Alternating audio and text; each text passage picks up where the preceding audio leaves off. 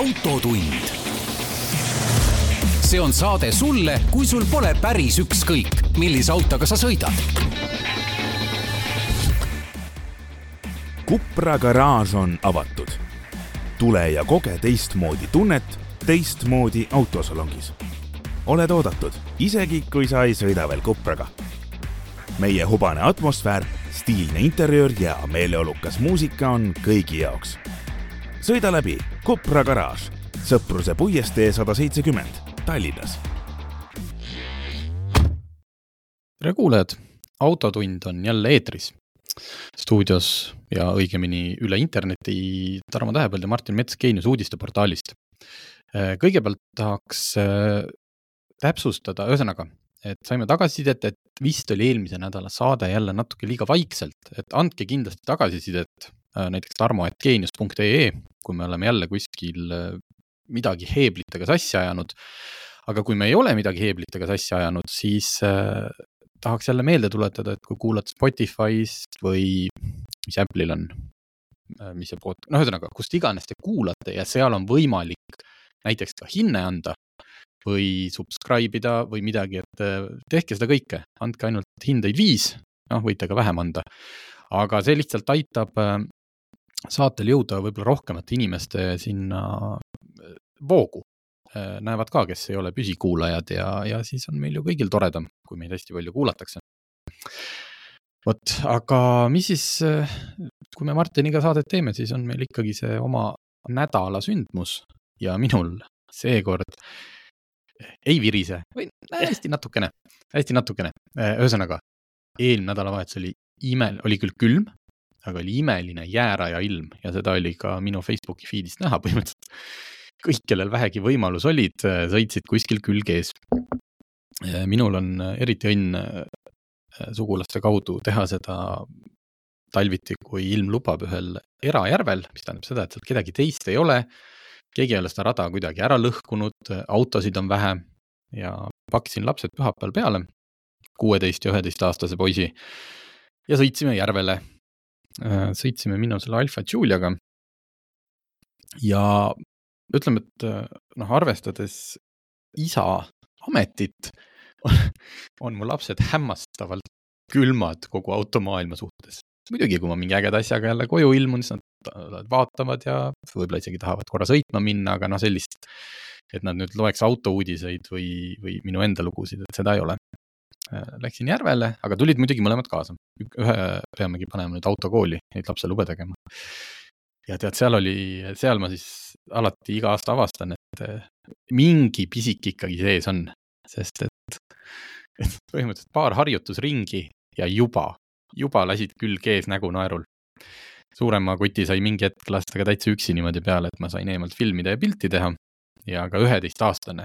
et hästi lõbus oli vaadata, et kuigi alguses, noh, nad nad on lausa sellisel tasemel, et igaks juhuks mõlemad küsisid ennem, et kumb on pidur, kumb on gaas. aga natukese aja pärast just, just ma imestasin seda selle väiksema poisi puhul, et, et kui see auto läks külg libisemisesse, siis see rooliga vastu pööramine tuli täiesti nagu intuitiivselt et jube hästi korrigeeris, jube hästi oskas niimoodi seal ka, ka libisemises olles noh, hoida seda õiget nurka, et mitte keerata üle või mitte keerata liiga vähe. ütleme, isa süda pakatas rõõmust. ja ise, noh, endal oli ka muidugi jube, noh, see, see oli lihtsalt, see oli jääraja sõiduks kõige ideaalsemad tingimused, sest et äh, lund oli vähe, aga samas oli, sest et noh, päris kiilas jää peal, eriti mul on ju lamellid, aga mhm. isegi noh, noh, tavalise naastuga, et noh, seal oleks päris kiilas jääl oleks ikkagi piigiga, ma arvan, lõbus. et, et see natuke lund mingitel hetkedel pakkus seda vajalikku pidamist. valle ei olnud ja, ja kõik see lumi oli tohutu selline pehme ja kohev. nii et nagu null hirmu sellest, et kui noh, et kui seal on jäised vallid ääres, siis ma ei julgeks ise ja ei tahaks ka lastel lasta sõita ja ainukene koht, mille üle ma viriseks, on mu enda auto, sest et jätkuvalt ei ole ma tegelenud sellega, et lasta äh, autogeeniustel ehk siis osadel inimestel natuke progeda, tekitada juurde üks nupp, mis lubaks sellel Alfa Romeo Giulial äh, veojõu kontrolli maha võtta. et ma olen seda siin korduvalt kurtnud, et äh, Giulia insenerid, mis iganes põhjusel otsustasid, et sellesse autosse sellist nuppu üldse ei tulegi. Et äh, kes teab, siis paljudel autodel see nupp on ja paljudel autodel on see ka niimoodi, et ähm, kui näiteks noh, ma ei tea, vist BMW-s ja Volkswagenist, kui sa hoiad seda neli sekundit all, siis ta võtab selle täiesti maha. Äh, muidu on nii, et sa vajutad lihtsalt ta välja ja kui ikkagi läheb näpust ära, et siis ta tuleb sulle appi tagasi, aga mingi, mingil moel on võimalikult täitsa välja lülitada. Alfal null, null võimalust. aga ma tean, et äh, sellised järelturuprogrammid ja asjad on juba olemas. Et see auto on mul nelikveoline, aga ta on tagasi, ühesõnaga tagaveolise platvormiga. nii et põhimõtteliselt äh, muus osas oleks see nagu ideaalne niisugune jäärajal lõbutsemisauto, aga just see elektroonika peab all. ja see, et mul ei ole naastrehve. aga eelolev nädalavahetus tõotab tulla täpselt samasugune, äkki lähen isegi jälle ja soovitus on siis otsige Facebookist jää- ja lumerajad Eestis oli vist selle nimi. Ma seal vaatan ja väga paljud ägedad rajad on tegelenud siin äh, sulajärgselt hooldusega, kiidavad, et seis on hea ja ma tean, et Võrtsjärvel vist avatakse eriti pikk jäärada, kuhu lubatakse peale nii piigi ja kõigega. et otsige ja kasutage seda ära, nagu ma oma isiklikus Facebooki postituses kirjutasin, et selline mõnus jääraja sõit on põhimõtteliselt minu jaoks ainuke põhjus seda kuradi talve siin taluda. Tegelikult vaata sellega, see tegelikult ei ole mitte ainult äh, selline lõbu. Äh, et, absoluutselt. et tegelikult see asi, et kui sa saad aru, et kuidas auto libisemisse läheb ja kuidas see käitub ja kuidas sa ise käitud, see on tegelikult mm -hmm. ka sellises igapäevaliikluses väga oluline, et kui ikkagi korra läheb, äh, kuskil midagi läheb näpust ära, siis see ei juhtuks esimest korda sul keset liiklust, keset maanteekurvi vaid Just. sa oleksid varem seda kogemust saanud. täpselt, et sa saad kes... aru, mis on jah, mis on alajuhitavus, mis on ülejuhitavus, et see, et kui sul jää, noh, libedas kurvis sul auto otse läheb, et sa koged seda jäärajal äh, turvalises keskkonnas. jah, et võib-olla okei okay,, ei ole võib-olla seal maanteel midagi teha, ei tea, on ju, aga lihtsalt, et see ei juhtu esimest korda ootamatult äh, päris liikluses et see on tegelikult selles mõttes väga oluline, et äh, noh, mina, mina jäärajal nüüd ei ole käinud, aga, aga sellist äh, noh, ütleme, kaks... eks, eks ma leian selle, olen leidnud need kohad, kus natukene saab proovida. kaks asja sellega meenus veel, üks oli see, et oli ka siis ju uudis, et äh, loomulikult oli ka Männiku karjääril, ma ei mäleta selle konkreetse koha nime, tohutu rahvas peal. ja tuli politsei ja lõpetas selle peo ära. noh, muidugi ma saan aru, eks ju, seal olijate solvumisest, et noh, pagan, et parklates ei või, tänaval noh, on ilmselge, et ei või, aga et kus siis üldse saab lõbutseda ja driftida et sellepärast ma soovitangi neid äh, Facebooki jääradu, et need on kontrollitud, keegi seal tõenäoliselt vastutab, Männiku puhul noh, ma saan, ma saan nagu politseist aru. et kuni selle hetkeni, kui midagi ei juhtu ja ma ei mõtle isegi mingite äh, autode kokkupõrkeid, sest noh, sellises olukorras võib seda juhtuda, ma mõtlen näiteks, et kui ei ole kontrollitud jääpaksust, et kui keegi sealt läbi kukub ja politsei ei ole mitte midagi teinud, vaid lasknud sellel asjal seal toimida, no siis on, no siis on täpselt see, et mingi neli noort on kuskil järvepõhjas ja siis pärast hakatakse süüdlast otsima. et noh, ma selles mõttes saan politseist aru, et sul pole mitte midagi teha, sa pead sellise peo kinni panema, kui ei ole kindel, et see on turvaline. aga teine asi, äh, kui keegi teab head moodust, kuidas pärast sellist jääraja lustimist nagu mingi eriti hea häkk saada velgedest see jää välja, sest see oli kohutav, ma tean ma sõitsin siis sealt mingi kümme, kümme-viisteist kilomeetrit äh, jäi tee peale tikupoiss ja ma tahtsin sealt kapist, kus sa saad rehvi rõhku, rehvidesse õhku ja seal on tavaliselt ka see veeämber, et klaasi pesta. ma tahtsin võtta sealt vett, et äh, siis neid velgi nagu leotada, siis seda jääd lahti. kahjuks see kraan oli kinni külmunud. aga ma ostsin, siis ma ostsin sealt Alexela poest lihtsalt viieliitrise vee selle tünni mis oli selles mõttes hea, seal oli ju kahe, noh, toasoe. ja siis seda vaikselt niristasin ja kruvikeerajaga sealt toksisin, aga noh, täiesti võimatu. sest peale iga jumala jäärajal käimist sa võdistad ennast koju, et nagu see ei ole hea autole, see ei ole mugav sõita. aga mul ei ole nagu noh, ühtegi, ühtegi head lahendust, et niipea, kui ma sealt maha tulen, et kuidas ma siis saan, noh. et on soovitatud siin sooja garaaži ja survepesu, no tõesti, aitäh, akusoojapuur, akusoojapuur no,, aga see on ka selline täpselt. natukene nagu ohtlik asi on ju, millega seal hakata majandama, et kui sa natukene ikkagi kuskil natuke seal ebapädevalt lased, siis, siis võivad Just. olla ka kehvemad tulemused. nii et kui on mõni hea nipp, andke teada, aga ma laseks nüüd, nüüd siis Martinil kas äh, kiita või kurta. ma ei teagi, kumb see nüüd on tegelikult, aga, aga natukene nagu võib-olla tahaksin arutada selle üle, et mis siin, mis siin nagu viimastel nädalatel on juhtunud, et kuidagi see nagu selline omaette naljakas äh, diskussioon on tekkinud äh, seoses selle elektriautode vihkamise, armastamise ja kõige sellega, kus see akude asi ikkagi lõi nii käima, et kui vaadata kas meie viimast saadet ja selle saate kommentaare Facebookis, siis äh, see on nagu, vot ma ei tea, kuidas sa seda kirjeldasid, miks see, mis siin põhjused on, miks see nii on, et, et kõik, terve maailm järsku on nagu nii mm, plussiks ja miinuseks nii binaarseks läinud, et kas sa äh, armastad elektriautosid ja see sul sõidab iga hetk või äh, on teine asi see, et äh, mul on äh, see di diisel Audi, mis sõidab mm, tuhat kilomeetrit ühe tankimisega ja terve maailm ongi nii polaarne. ja siis need, kellel on kogu sellest asjast täiesti ükskõik, lihtsalt ei lähe sinna, kuigi täna just nägin ühe meie loo all ka kommentaari, mul täitsa ükskõik, millega sõidetakse, noh, selline, noh, mõned on ka sellised, aga ega vaidlema lähevadki hästi kirglikud inimesed. Et aga seda polaarsust on näha, et äh, inimestel on, mul on tunne, et inimestel justkui praegu jääb mulje, et neid kohe-kohe sunnitakse nendesse elektriautodesse, mis noh, paljud ei sõida talvel väga kaugele, kogu see laadijate business, et inimestel on nagu mingi, mingi tohutu mure, et see ei juhtu kohe. et ei juhtu, et selles mõttes, et sisepõlemismootoriga autosid võib müüa aastani kaks tuhat kolmkümmend viis. ja võib-olla Kasu... võib sealt ka hiljem veel, et see on nagu see, mis praegu on nagu..., ma arvan, et ilmselt võib ka pärast seda tulevad mingid erandid ja nii edasi ja nii edasi, et tegelikult ma ei usu, et see ka päris nii läheb. jah, et see on nagu sihuke hirm, et ärge, ärge kartke, et kui kui sa tõesti ei usu hetkel seda elektriautondust, ükskõik, kas sa oled selles leeris, kes arvab, et, et tegelikult kogu see aku tootmine ja see auto elutsükkel on sisepõlemismootoriga autost hoopis palju räpasem või oled sa ikkagi niisugune vanakooli petroseksuaal, kes tahab mootoriheli, noh, vahet ei ole. ei sunni sind keegi praegult sinna elektriautosse. et äh, võtke rahulikult, äh, las siis need äh, entusiastid, kuidas ma ütlen, tore on ju, kui keegi testib neid autosid, kui keegi nagu kõik need vead kätte saab oma, oma kogemusega ja, ja kui nad ise selle juures rõõmsad on, noh, siis äh, rahunege nagu maha ja, ja teistpidi elektriauto omanikud ka, et ärge nüüd, noh, ärge nüüd, ärge üle tõmmake. et see on ka kohati selline nagu äh, sekt või mingi usk juba.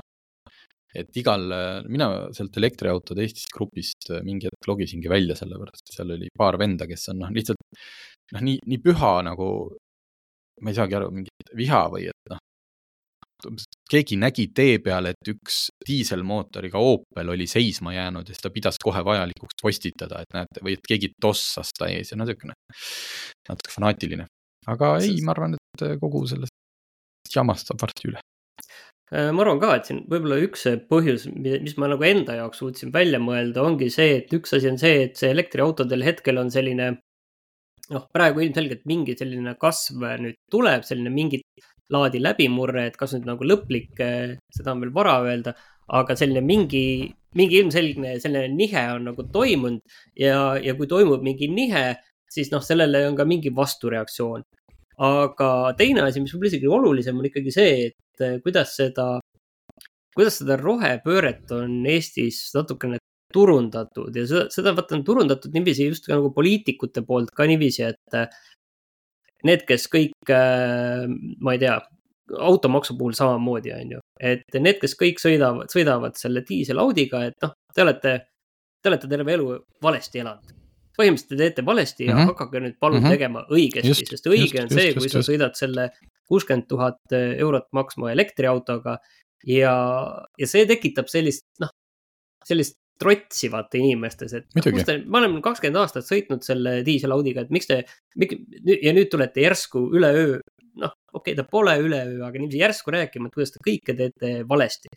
ja, ja noh, mis siis nagu tahta, tegelikult äh, elektriautode puhul ikkagi peaks, peaks, peaks rääkima sellest, et miks nad on äh, head, mugavad ja, ja siis noh, mingitel juhtudel ka odavamad pidada võrreldes sellega, et rääkida seda, et kuidas kõik teised, kes on noh, elanud nii, nagu nad on terve elu normaalselt elanud, sõitnud nende bensiinimootoritega või ükskõik millega, on ju, et nad on seda teinud kogu aeg, see on tundunud normaalne, see on olnud ühiskonna jaoks ka normaalne.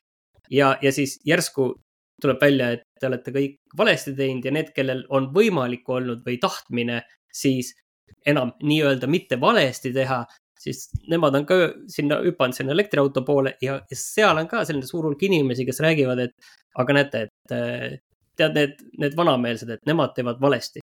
ja kuna me oleme sellises eh, üleminekufaasis, mis kestab nagu noh, ilmselt veel ju väga kaua tegelikult, siis noh, mina nagu ei näe nagu sellisel noh, vihkamise, armastamise, ükskõik, mis need polaarsused seal on, sellel diskussioonil nagu sellisel kujul nagu üldse eriti mõtet, et, et täpselt seesama, et oi, et nüüd olid kümned elektriautod olid tee ääres, okei okay,, siin oli see Delfi artikkel, mis äh, ütleme niiviisi, et äh, võttis ühe üksikjuhtumi või noh, okei okay,, seal oli võib-olla kolm üksikjuhtumit ja siis laiendas seda absoluutselt kõigele. et noh, ma sain aru, miks see ajas inimesed närvi, kes elektriautoga sõidavad mm. -hmm. muidugi, et noh, minul endal maja ees oli ka üks diiselgolf äh, külalise oma, mis ei läinud äh, siin miinus kahekümnega käima ja oli vaja siin see, et neli korda neli helbi tüübid tulid, äh, panid käima. aga, aga, aga noh, ja sellest, noh, sellest ei, ei tee kuskile uudist, on ju, muidugi ei tee, see on täiesti tavaline, ikka juhtub, on ju. eriti kui äh, aku on olnud seal seitse aastat peal ja, ja nii edasi, et see kõik on nagu selline asi, mis äh, noh, mis ei vääri mingit uudiskünnist ja siis noh, okei okay,, oligi ebaõiglaselt tehtud uh, uudis, ebaõiglaselt üles tõmmatud teema, ja, ja siis samamoodi noh, teistpidi jälle kõik need, kes olid trotsi täis, nemad olid jälle niiviisi, et äh, ahah, nägite, nägite, see uus asi, see üldse ei tööta, minge mm -hmm. ka oma rohepöördega, on ju. just, just, minge ka oma rohepöördega. ja, aga sellega seoses üks huvitav asi tegelikult, et mm,, et üldiselt äh, Äh, Saksamaal vaata kaotati ära elektriautode ostutoetus ja et mis siis selle peale juhtus, oli see, see oli nagu isegi päris lõbus lugu, et selle peale autode hinnad äh, kukkusid tohutult. ma saan aru, et Dacia Springi, kui see varem, noh, ma ei tea, mis ta varem Saksas maksis täpselt, aga no Eestis ta on ju mingi kakskümmend kaks tuhat. see kukkus kolmeteist tuhande peale. Ja, ja teised elektriautode hinnad ka, et nad kukkusid selle ostutoetuse summa võrra, mis Saksamaal on ka peaaegu viis tuhat eurot kukkusid veel rohkem mitmed autod et see tegelikult ikkagi näitab seda, et see ostutoetus äh, hoidis kunstlikult hindu üleval. ja ma olen täiesti kindel, et see ostutoetus hoiab kunstlikult elektriautode hindu üleval ka Eestis. ja see on, äh, see ostutoetus sellisel kujul on kahjulik meile kõigile tarbijatena. vot, ma jätkan siit elektriautoga, ma tahtsin lihtsalt, kuna eelmine nädal saadet lindistades oli mul see Riviani sõit veel pooleli ja ma lubasin, et vot Äh, sellel hommikul, kui me Raikoga ära rääkisime, et vot nüüd ma lähen alles seda testima. Äh, ma pean ütlema, et see test jäi selles mõttes kesiseks ehk lühikeseks, autoga ei juhtunud mitte midagi, küll aga juhtus ilmaga. et ma siin vist saates rääkisin ka, et sellel olid all sellised all-terrain rehvid, mis ei olnud meie talve jaoks kindlasti sobilikud ja käisime siis äh, Paulaga, tegime väga ägedaid pilte, ronisin muidugi ka sinna kesktunnelisse, sest kui see on olemas, siis sinna peab ronima mahtusin ilusti. Äh, aga ühesõnaga kuskil metsateedel muidugi oli mõnus lasta, aga ka seal metsateel on niimoodi, et selle lume all oli ikkagi jää ja, ja, ja noh, neid vist mainisin saates neid oh shit momente tekkis äh, seal metsateel, aga okei okay,, seal oli seda korrigeerimisruumi palju. aga kui ma sõitsin tagasi mööda Tallinna ringteed, siis oli selline nagu noh, võib-olla tavalise rehviga polekski tundnud, aga aga seda paar korda see auto lihtsalt teel nagu jõnksatas ja ma sain aru, et mul ei ole mitte mingit pidamist. kui ma jõudsin Tallinna piirile, kus hakkas tekkima juba mingit sorti musta jäälaadne toode, siis ma panin lihtsalt ohutuled peale, sõitsin ise viiekümnega, hoidsin mitmesaja meetrist pikki vahet. Lihtsalt, et keegi mulle selga ei tuleks, et ta näeb, ahah, mingi ohutuledega mees, et ma jõuaks selle autoga turvaliselt äh, sinna esindusse tagasi. ehk, et ma ei oska teile öelda, mis tunne on kiirendada kolmetonnise kastikaga sajani kolme koma kolme sekundiga. ma usun, et see auto seda teeb. see auto ei tee seda miinus kuueteistkümne kraadiga Eestis. rehvid, külmad rehvid, noh, need ei ole ka need kiirendusrehvid. Äh, üks asi ja teine ma vist ei, võisin ka andmetega eksida, et nüüd ma kirjutasin loo valmis, kontrollisin, et sellel autol, ühesõnaga Riviani saab kolme, kolme akuga. sada viis kilovatt-tundi, sada kolmkümmend viis kilovatt-tundi ja sada nelikümmend üheksa kilovatt-tundi. sellest suurem minu teada peast oskan öelda vist ainult äh, Hummer EV-l, millel on kakssada kilovatt-tundi aku. Äh, proovisõiduautol oli saja kolmekümne viie kilovatt-tunnine aku ja, ja sellega on nii, et kui vaatad Riviani kodulehte, siis seda nelja mootoriga äh, quad-mootor versiooni saabki ainult äh, selle äh, sada kolmkümmend viis kilovatt-tundi akuga. võib-olla ka väiksemaga, aga kindlasti mitte selle kõige suurema akuga. et kui, kui ei ole vaja nelja mootorit ja seda maailma kõige suuremat kiirendust, et siis võid võtta dual mootori ja panna sinna peale saja, põhimõtteliselt saja viiekümne kilovatt-tunnise aku millega ideaaltingimustes saab sõita. vist oli kuussada nelikümmend kolm kilomeetrit, kujutage ette, kolme tonnise autoga, kui sinna asju veel peale paned, siis kolm pool tonni. et ta on selleks, et sõiduauto kategooriasse, siis tema maksimaalne täismass ongi kolm tuhat viissada. tal on tohutu haagiseveo võimekus, viis tuhat kuni viis tuhat kilo võid haagist vedada, aga siis tuleb ta noh, registreerida teise kategooriasse. antud, antud autol oli Haagisepea võimekus vist, kas oli piduritega, Haagisel oli nelisada viiskümmend. et ühesõnaga, sellisel kujul mingit töömehe autot sellest ei ole. aga ma olen jätkuvalt sellest autost väga vaimustatud, mulle ta tohutult meeldis. ja mõtlen, ja, ja lõpuks, et miks ta siis mulle meeldis, üks põhjus ongi see, et ta ei näe välja selline, et tal on kaheksasada nelikümmend seitse hobujõudu. ta näeb välja, see esiosa on hästi sõbralik, nunnu, tavaline, kihvt, mingi mingi huvitav kastikas. nii et ka kõige radikaalsem niisugune rohepööraja tõenäoliselt ei tule mulle sinna võtmega ukse peal needusi kraapima, sest et noh, see auto ei näe välja ohtlik. vot, väga kihvt oli. üks noh, lihtne on öelda, et selle aasta kõige ägedam proovisõit, sest seda aastat on olnud täpselt kaksteist päeva, aga ütleme viimaste aastate, viimaste aastate niisugune ja kui ma auto tagasi viisin, siis äh, mulle veel öeldi, et noh, ma veel küsisin igaks üle, kas omanikul ikkagi okei okay,, et tegime pilte, noh, et ei oleks mingit segadust. ja, ja ta ütles, et äh, sõitke aga ja minge kohe maastikule ja testige kohe nii, et on testitud ja siis ma nii kahetsesin, et see ilm sattus selline, nagu sattus, et ma sellesama tee pärast ma ei julgenud Kõrvemaale minna, sest seal on need pikad sinna Mustjõe maastikurajale, sest seal on need pikad sellised äh, metsasihid või ma ei teagi, need on mingid välja või suured nagu teed, aga ühe auto laiused põhimõtteliselt.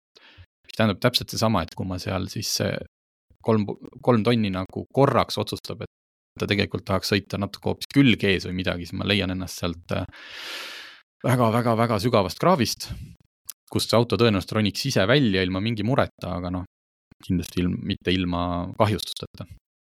aga võib-olla kevade poole, kui ilmad paremad ja tee ei ole libe, äkki antakse meile see auto uuesti.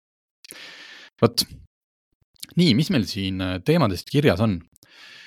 Äh, üks asi, äh, tegime siis kohe aasta alguses intervjuu politseiga, sest et eelmise aasta olukord liikluses, ma isegi arvasin, et, et see number tuleb suurem, sest kuna me saame pressiteateid, siis ma saan kogu aeg kui niipea, kui maanteel on õnnetus juhtunud, keegi surma saanud, ma saan nagu selle emaili peale.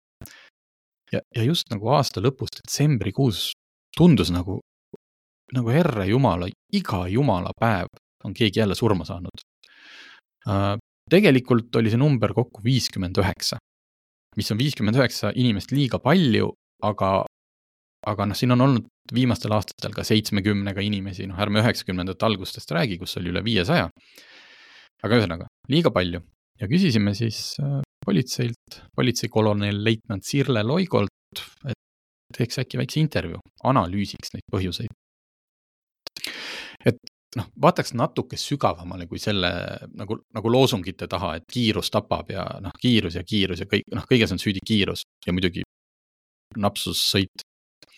ja üks asi, pikk intervjuu, see on äh, autogeenuse lehelt leitav äh, seal on Sirle Loigo toob päris palju huvitavaid asju välja, aga mis minu jaoks oli huvitav, oli see, et kui palju inimesi hukkus selle tõttu, kõige lihtsama asja tõttu. ma tean, mida sa vist mõtled ja ma mõtlen Nii. ise vist sama asja peale, sa mõtled seda, et tegelikult, mida me loeme ka nendest äh, samadest meilidest, mis sa teada andsid, oli see, et inimene paiskus autost välja, sest turvavöö oli kinnitamata.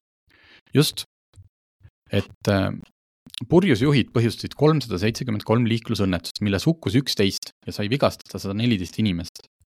ja hukkunutest ligi pool ei kasutanud turvavarustust. siia me saame lisada need inimesed, kes äh, kõndisid äh, pimedal teel ilma helkurita. et, äh, et noh, mingeid liiklussurmasid kahjuks ei saa ära hoida, noh, see on, ma ei tea, keegi jääb, keegi jääb magama, keegi kaldub, noh, ongi nagu mul selle Rivianiga, et lihtsalt, lihtsalt nagu läheb alt ära, eks ju. ja, ja kahjuks läheb sinnapoole, kus tuleb rekka vastu või teine auto. aga me ei saa ära hoida ka, tähendab, saame. aga, aga üldiselt äh, mingi kihutav roolijoodik on ka niisugune asi, et äh, see on, see on nagu teadlik valik, et see ei ole õnnetus. aga see, et, et see, ma nagu, noh, ma ei soo- kui ma jäärajal käisin, ma panin turvavöö endal selja tagant kinni, sest jäärajal ei tohi turvavööd olla, sest äh, kui jää läbi vajub, pead kiiresti välja saama. aga iga kord, kui ma istusin sinna juhi kohale, käis mul käsi automaatselt, ma tahtsin turvavööd võtta. ja ma ei saa aru, kas, kas need inimesed siis, äh, kes sõidavad purjus peaga ja ilma turvavööta, teevad seda ka nagu siis kaine peaga ei pane peale või? et äh, see, minu jaoks oli see üllatus, et noh, neid numbreid vaadates, kui inimesed hakkaks kasutama turvavarustust, helkur, turvavöö, juba selle pealt me saaksime selle numbri siis mingi kümme, viisteist ühikut allapoole. osakaal on, osakaal on suurem kui isegi joobesjuhtide põhjustatud õnnetustes. siin tegelikult ja. ongi, noh, ja alati ongi mingid eriti halvad asjade kokkulangevused, et mis siin aasta lõpus oli ka äh, õnnetusjuhtum Elva lähedal, kus tegelikult võib-olla asi, mille peale inimesed ei mõtle ja mis noh, mõnes mõttes tekitabki probleeme harva.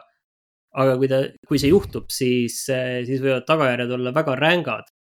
oli see, kui mm, auto oli parkinud ennast bussitaskusse, vastassuuna bussitaskusse niiviisi, et tuled olid siis sõidusuunas edasi, nii et jäi mulje, et noh, tegelikult kui inimene, auto tuleb vastu, ega siis ta ei saa aru, kas see auto seisab või sõidab mm -hmm, esimesel mm -hmm. hetkel.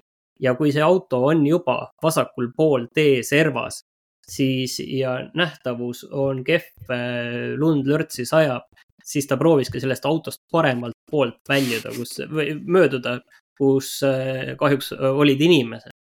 Et noh, see on ka üks selline asi, kus tegelikult tasuks lihtsalt meelde tuletada, et sellist asja ei, ei tohi teha, et kui sa pead kinni vastassuuna vööndis, siis või vastassuuna vasakul tee pervel, siis ei tohi tuled põleda, vaid peavad, peavad olema õhutuled peal.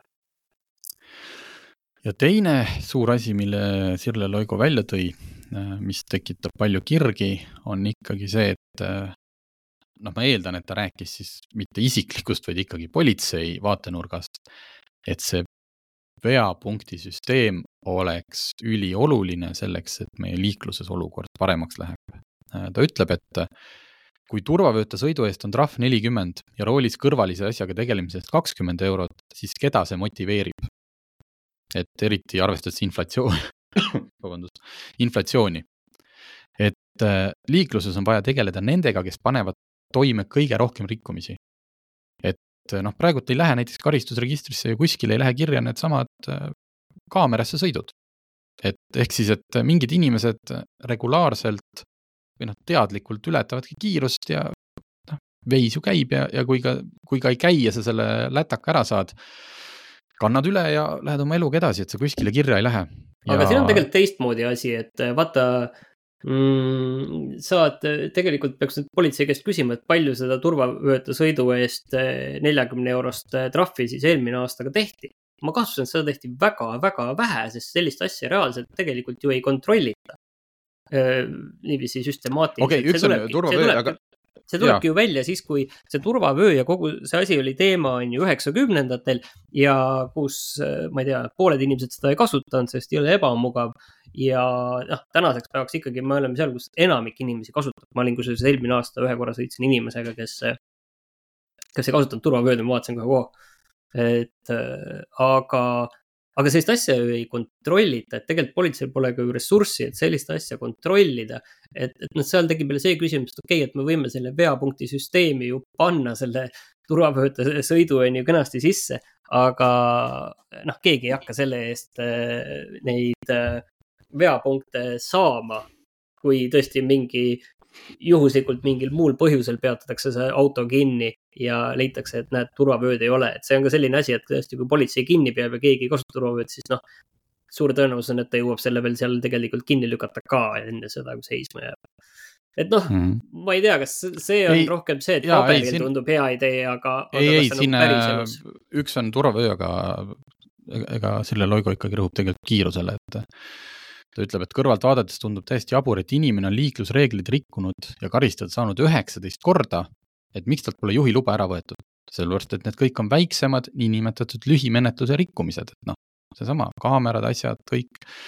et noh, et äh, politsei arust äh, on veapunkti süsteem vajalik. et äh, noh, trahvihirm ei saa olla ainus asi, mis liikluse elus hoiab, aga mingid, mingid asjad tuleb ikkagi, tuleb ikkagi sellega ära korraldada.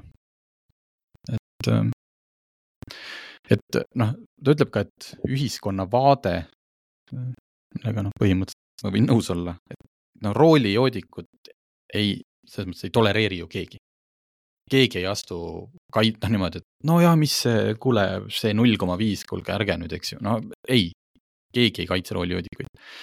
Aga kiirus on noh, selline, ükskõik, kas on siis kuni kakskümmend üle või noh, nojah, noh, on siis nojah, ilus ei ole, aga, aga, aga keegi otseselt ju nagu ei, ma ei tea, ei võta väga palju sõna või võtab, aga ei ole sellist ühiskondlikku ühtset taunimist kiiruse ületuse osas mille kohta ei ole ka ühiskondlikku ühtset arusaama ei inimestel ega, ega poliitikutel. võib-olla see on, äh, nagu tuleb välja, et politseil see on ilmselt, vist olemas, aga selle veapunkti süsteemi kohta ikkagi üldiselt, et tuleb, ei tule. jälle on kuskil nüüd praegult on pandud see asi ju seisma, võime sellest rääkida, et äh, politsei võib sellest rääkida.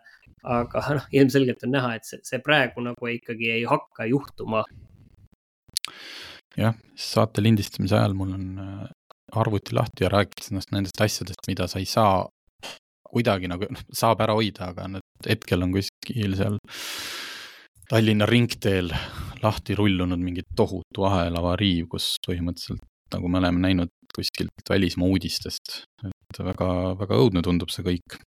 et äh, rekkad, sõiduautod, kõik ja, ja järjest muudkui pannakse ja keegi ütles, et politsei vist on kohale toonud ka juba selle konteineri, kust kriisijuhtimist tehakse. et. päris karm. ja, et äh, kuna meil ei ole otsesaade, siis ma ei saa teile, ma ei hakka teile ütlema, et ärge praegult sinna minge. aga ma saan öelda, et äh, kui te nädalavahetusel või siin edaspidi, kuidagi on see, et Tallinna teed lähevad millegipärast, võib-olla peaks seda ka küsima, et miks nad nii libedaks lähevad, et miks oli eelmine nädal see tee nii libe, kui ma selle Rivianiga sõitsin, et, et kuidas see niimoodi juhtub? Et Oot, kõik on justkui nagu ette teada. mina käisin eelmine nädal Saaremaal ja see oli väga-väga huvitav, tegelikult Tallinnas sõitsin Saaremaale e, ja enne sõitsin e, reedel, e, sõitsin Tallinna, siis sõitsin Saaremaale ja siis sõitsin Saaremaalt tagasi.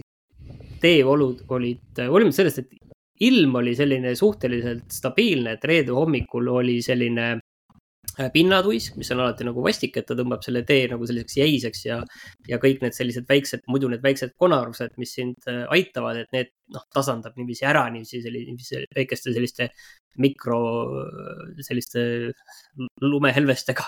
aga, ja oligi, ta oli väga-väga ebaühtlane, oli kogu see tee. mingis kohas see oli nii, nii libe, et sa võtsid ikkagi tead hoo kaheksakümne peale ja enam-vähem äh, jalga gaasi peal ei hoidnud, hoidsid meeletut pikki vahet ja vaatasid, et noh, tuleme nüüd siit nagu rahulikult ja elusalt läbi. ja kilomeeter hiljem oli kõik niiviisi, et noh, lase, lase nagu suvel. ja siis jälle ühe, aga ühel hetkel jälle oli selline eh, teistsugune, et naljaks oli terve Saaremaa oli niiviisi, et sõitsin mm, kümme kilomeetrit enne Saaremaa, Kuressaaret järsku läks meeletult libedaks, ülejäänud tee oli kõik väga okei okay.. et hästi, väga selline ebaühtlane oli kogu see tee, kuigi peale reede hommiku tegelikult ilm oli selline sama, selline miinus viisteist, eh, natukene külmemgi. üks asi on see, vaata, et selle, selle päris külmaga, ma saan aru, on ju need, need ained, mida nad sinna loobivad tee peale, et need ei toimi nagu päris nii, nagu mm -hmm. nad toimivad miinus viie või miinus kolme puhul, et see on. aga siis ongi kindlasti. see, et siis, aga nüüd on siis, ma pean meie sellelt, äh, kes, ühesõnaga Uku Tampere, kes hästi palju räägib sellest, kuidas Soome, noh, ja kõik räägivad, kuidas Soomes, et noh, et ärme kasutagi neid mingit soola, et noh, aga kuidas siis Soomes, kas neil ei teki selliseid olukordi, nagu meil siin on see, noh, miks see, miks see siis on, et äh, meil on libe ja seal ei ole, aga okei okay,, ärme siia pärast lähe. loodame, et seal õnnetuses ei ole väga palju kannatanuid. Äh, siiasamasele politsei jutu otsa oli, tuli üks uudis et eelmine aasta oli üks õnnetus, kus, okei okay,, see ei olnud õnnetus. see oli, kus mingid noored seal Tallinn-Tartu maanteel sõitsid kohati kakssada kakskümmend, kakssada kolmkümmend kilomeetrit tunnis, tarkpead muidugi filmisid seda, alati hästi mõistlik. ja siis äh, on jäänud ka maanteekaamera videosse see, kuidas äh, pealesõiduteelt tulevale kaubaautole äh, pannakse põhimõtteliselt umbes saja kaheksakümnega tagant sisse. Miks seda on sealt videost eriti raske aru saada, justkui nagu ruumi ja aega on, et kas siis istutigi telefonis või oli see, et ega härrad olid ju napsus ka. et lihtsalt, ma ei tea, vaadati sõbrale otsa või võeti õlut sellel ajal. aga mis on, õnneks juht pages metsa, õnneks keegi kannatada ei saanud, autod puruks muidugi. üheksateistaastane jutt. aga mis on pärast, siis ta ilmus ise välja ja nüüd jõu-, jõustus nagu kohtuotsus. Ja mootorsõiduki juhtimisõigus võeti järgnevaks kaheksaks kuuks ja kuna tegemist oli esmane juhtimisõigus, siis tunnistati juhiluba üldse kehtetuks, mis tähendab seda, et tal tekib uuesti võimalus nagu lube taotleda kahekümne kuu pärast. mulle tundus see kaheksa kuud nagu, nagu ilmselt on seal rahatrahv ka mingi, jube vähe. aga kui ma nüüd vaatan, võib-olla see on see, et kuna ta ei saa nagunii ka lube uuesti taotleda, et ta siis saabki põhimõtteliselt peaaegu, peaaegu kaks-kolm aastat lube äh, ära võt-, noh, ühesõnaga ilma lubadeta elada. aga see tundus nagu, noh, arvestades asjaolusid, mina ei tea, päris, päris soodne karistus. et, et ma ei tea, kas asi võib olla selles, et võib-olla mingeid siukseid karme asju ei karistata piisavalt. Mul ei olegi siin rohkem midagi öelda, lihtsalt selline juhtum oli ja selline karistus anti jah, vaatasin just seda videot ka ja väga, väga kummaline õnnetus. nii, eelmise aasta automüügi kokkuvõte tuli. Mm, siin üllatusi topis muidugi ei ole. Toyota võitis, Škoda teine, umbes üheksasada autot on neil vahet, kolmas Audi. mudelitest muidugi RAV4, Corolla ja Octavia. kallitest autodest Äh, räägime siis uutest Eestis registreeritud autodest, nelikümmend üks Lamborghinit võrreldes kolmekümnega eelmisel aastal või üle-eelmisel siis. Bentley kolmkümmend üheksa võrreldes kakskümmend kolm üle-eelmine aasta, Ferrarisid kaheksateist, neid osteti üle-eelmine aasta kakskümmend neli. ja Maseratisid neliteist, McLarenid kaks, Rolls-Royce üks. see selleks. Äh, mis meil tekkis lihtsalt omal nagu arvestades Eesti autoturu väiksust, kokku müüdi eelmine aasta kakskümmend kaks tuhat kaheksasada kakskümmend uut sõiduautot. kui sa vaatad stoppi ja seda, et kolmas koht on Audi ja mudelitest on äh, Audi Q2 äh, neljandal kohal ja Audi A3 äh, kuuendal kohal. Q2-sid müüdi seitsesada kolmkümmend viis autot. ühesõnaga, et vaata kui huvitav, et meil turg on nii väike, põhimõtteliselt kui üks firma ehk siis Bolt Drive ostab või uuendab oma fleet'i või laiendab, siis see lihtsalt, lihtsalt mõjutab automüüki nii palju.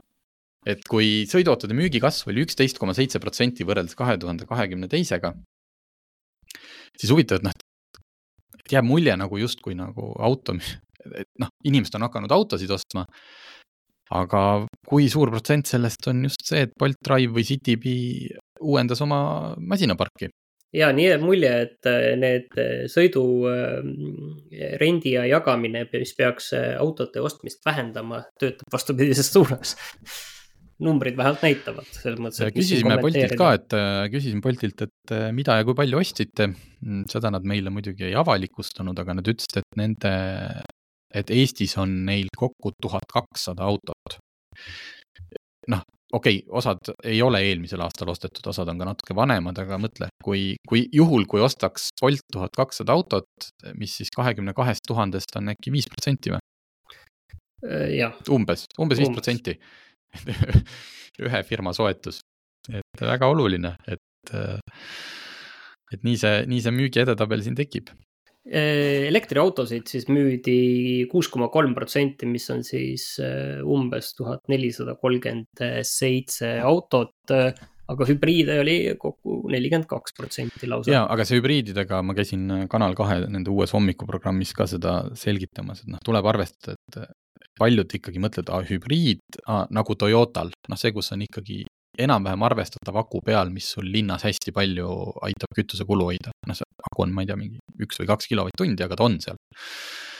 siis äh, tegelikult hübriidina lähevad kirja ka mild hübriidid ehk pehme, pehme hübriid, mis on põhimõtteliselt lihtsalt väike starter äh, või ühesõnaga väike mootor, mis aitab näiteks äh, kas kohaltvõtul või start-stop süsteemina või siis noh, õige vähega nagu elektriga kulgeda aga, aga ta kindlasti ei ole see nii-öelda täishübriid ega aga ka mis see, mis see lihtsalt huvi pärast ma nüüd seda pealt ei tea, et mis selle mild hübriidi see äh, CO kahe numbrid äh, on, et palju need madalamaks tulevad? no veits ikka tulevad, aga, aga, aga mitte sellisel määral nagu, nagu täishübriidil, aga, aga me teame, et autotootja jaoks on seal ka üks gramm, ka null koma üks gramm võib äh, väga oluliseks osutuda, sest seal on ju need mingid äh, nii-öelda trahvimäärad, mis sa saad, kui su, kui su müüdud autode see CO2 kogus ei vasta mingitele nõuetele, et, et noh, ilmselt aitabki, aga lihtsalt, et natuke jääb justkui mulje, et kõik nüüd noh, nelikümmend kaks koma kaks protsenti hübriidautosid, need ei ole kõik sellised täishübriidid, vaid enamik on ikkagi need pehme hübriidid. Kui vaadata tegelikult nüüd selle keskkonna koha pealt ikkagi on niiviisi, et nelikümmend kaks hübriidid ja, ja kuus protsenti elektriautod, siis pooled müüdud autod olid vaata ju vähemalt hübriidid, et keskkonna vaates mul on tunne, et äh, me, me liigume väga hästi, kui paberil vaadata mm -hmm.. noh, tegelikult ju ega nii-öelda autode keskmine kütusekulu ja kõik see, ma olen rääkinud, hetkel ma seda statistikat välja ei viitsi otsida, mingi hetk liikus ju kogu aeg allapoole. just sellega, et autosid saadi, ma loodan, et mitte mingite diiselgate idega, vaid et noh, mootorid muutuvad aina efektiivsemaks, et me mäletame ju omal ajal, kui me sinuga noored olime, siis keskmise sedaani kütusekulu oli noh, sihuke kaheksa-üheksa, kui sa mõistlikult sõitsid ja maanteel ja niimoodi, siis täna on see ikkagi pigem nagu kuus. ka bensiinimootoriga autol, diislil mm -hmm. jumala eest alla viie. aga teine põhjus on see, et need autod lähevad suuremaks, sest me kõik sõidame nende totakate linnamaasturitega me tahame suuremat ja aina suuremat ja kõik, eh, iga järgmine mudel, mis oli vist Honda CRV kasvas, eks ju, kümme koma üks sentimeetrit. jah, eh, nad oskavad neid ka kergemaks teha ja siis panevad sinna hübriidi peale, aga mõõtmed ja kaal kogu aeg kasvab. mis tähendab seda, et eh, globaalselt see keskmise kütusekulu ja noh, tõenäoliselt siis ka, eks ju, CO2 on pigem noh, tõusmas autode arv nagunii, aga ka, aga ka nagu keskmine see, mis on ka tobe veits. nii, aga uus äh, Land Cruiser kuulutati välja, et kas see ka nüüd kasvas või kahanes? ma niimoodi ei oska öelda, see on alati suur auto olnud, lihtsalt äh, Land Cruiser on olnud äh, väga pikalt ühesugune, tal on saanud noh, mitmeid mudeli uuendusi, aga, aga tegelikult ikkagi iidne auto. samas, eks ju, vana hea Toyota lähenemine, et kui mingi asi töötab, siis ei ole mõtet seda muuta aga see aasta jõuab täiesti uus Land Cruiser, mis näeb väga kihvt välja. Äh, äh, siin on selline erisus, et kui ta müüki tuleb, ta tuleb äh, kahe erineva välimusega. mis tähendab seda, et kui sa oled tõeline Land Cruiseri fänn, siis sa pead kindlasti ruttu minema broneerima omale selle first edition'i, millel on ümmargused esituled, natuke nagu natuke selline retrokas. Honda E, ta on nagu Honda E, vaata. Honda E, jah et kindlasti saab see kunagi hoiab paremini hinda ja, ja ma olen kindel, et mingit, kindlasti saad sa oma tavalise Land kruiiser, millel on sellised kandilised tuled nüüd või piklikud, ristkülikukujulised. kindlasti saad selle, noh, first edition stange omale järelturult ka ilmselt osta, aga ühesõnaga jah, tehniliselt täpselt samad autod, lihtsalt nägu on teine. aga miks, miks ma selle uudist tõin, et lihtsalt hinnad kuulutati välja. et kui praegult on olnud Land Cruiser hinnakirja järgi vähemalt äh, arvestades tema võimekust ja suurust ja populaarsust, noh, pigem nagu odav auto. muidugi, kõik äh, Land Cruiser'id ostetakse ikka täisvarustusega, kui see just ei ole mingine metsamees, kes ostab oma objektijuhtidele näiteks viis autot, siis on suva, aga, aga siuksed täisvarustused, Land Cruiserid äh, veebist vaatad, noh pigem sihuke kuuskümmend tuhat eurot auto. ei ole odav, aga autot on selle eest muidugi mega palju. Siis nüüd äh, uue hinnad, et First, muuseas tal on äh, seesama kahe koma kaheksa liitrine diiselmootor, et seal mingit innovatsiooni pole tehtud, mingit hübriidi pole peale lajatatud koos kolmesilindrilise mikromootoriga. vana hea diisel. First edition kaheksakümmend neli tuhat eurot ja seal on muidugi põhimõtteliselt kogu varustus pluss siis eriline väljanägemine. Äh, tavali, siis tavavälimusega Land Cruiseri executive varustus on kaheksakümmend üks tuhat eurot ja Prestige ehk siis nii-öelda baasmudel algab seitsmekümne ühe tuhande viiesajast eurost. ma ei oska hinnangut anda, noh, muidugi see on siin niimoodi vaadates ikkagi pea kakskümmend tuhat eurot tõusu, aga eks, eks selle Land Cruiseri hinnad on olnud ka, ma ütlesin, pigem odavad, et äh, kui ma neid hindu nägin, ütleme nii, ma ei imestanud või see ei ole kuidagi, siin ei saa seda öelda, et noh, lolliks olete läinud Toyota eest kaheksakümmend neli tuhat. ei, see on samasugune elustiili auto nagu paljud ja kaheksakümmend neli tuhat tänases automaailmas ei ole nagu mitte midagi eeldusel, et siin on ka nii, okei okay,, mootor on äh, pigem vana, aga et noh, eeldan, et kõik on ju natuke parem, natuke luksuslikum, natuke uuem. Äh, et odavaid autosid enam ei toodeta. Üks naljakas asi, mis, mis silma lihtsalt torkab selle juures, kui ma neid äh, uue Land Cruiseri pilte vaatan, on see, et need rattakoopad on muutunud selliseks natuke rohkem nelinurksemaks, et nad, noh, sellised servad on natukene teravamad, et varem need olid natuke kumeramad ja, ja need natuke rohkem meenutavad RAV4-ja, need mm -hmm. rattakoopad. et see Ühesõnaga, on kuidagi naljakas. ma ei kahtle, et sellest saab järjekordne Toyota hitt-toode, et äh, pole, pole nagu põhjust kahelda, et kui neid Land Cruisereid on äh, sadu ostetud iga aasta, muidugi see on huvitav, et kas uut Land Cruiserit saab ka N1-na, et Eestis ju enamik neid müüakse N1 kategoorias ehk siis nii-öelda tarbesõidukina, mis annab ettevõttele, ma ei, ma ei mäleta no,, mis, mis soodustusi no, ta andis. eks ta ongi põhimõtteliselt tarbesõiduk. no põhimõtteliselt, no vot, kui sa nüüd vaatad neid siin pilte, siis väga ei tundu, aga kui seda nii vastavalt kasutada, siis muidugi. et see saab huvitav olema jah, et, et kas, kas saab. kuule, aga ma arvan, et me oleme täna teinud täitsa tutske saate jälle ja võib-olla tõmbaks siinkohal otsad kokku. ja kuuleme järgmine nädal jälle Kupra garaaž on avatud. tule ja koge teistmoodi tunnet teistmoodi autosalongis. oled oodatud, isegi kui sa ei sõida veel Kupraga. meie hubane atmosfäär, stiilne interjöör ja meeleolukas muusika on kõigi jaoks. Sõida läbi Kupra garaaž, Sõpruse puiestee sada seitsekümmend, Tallinnas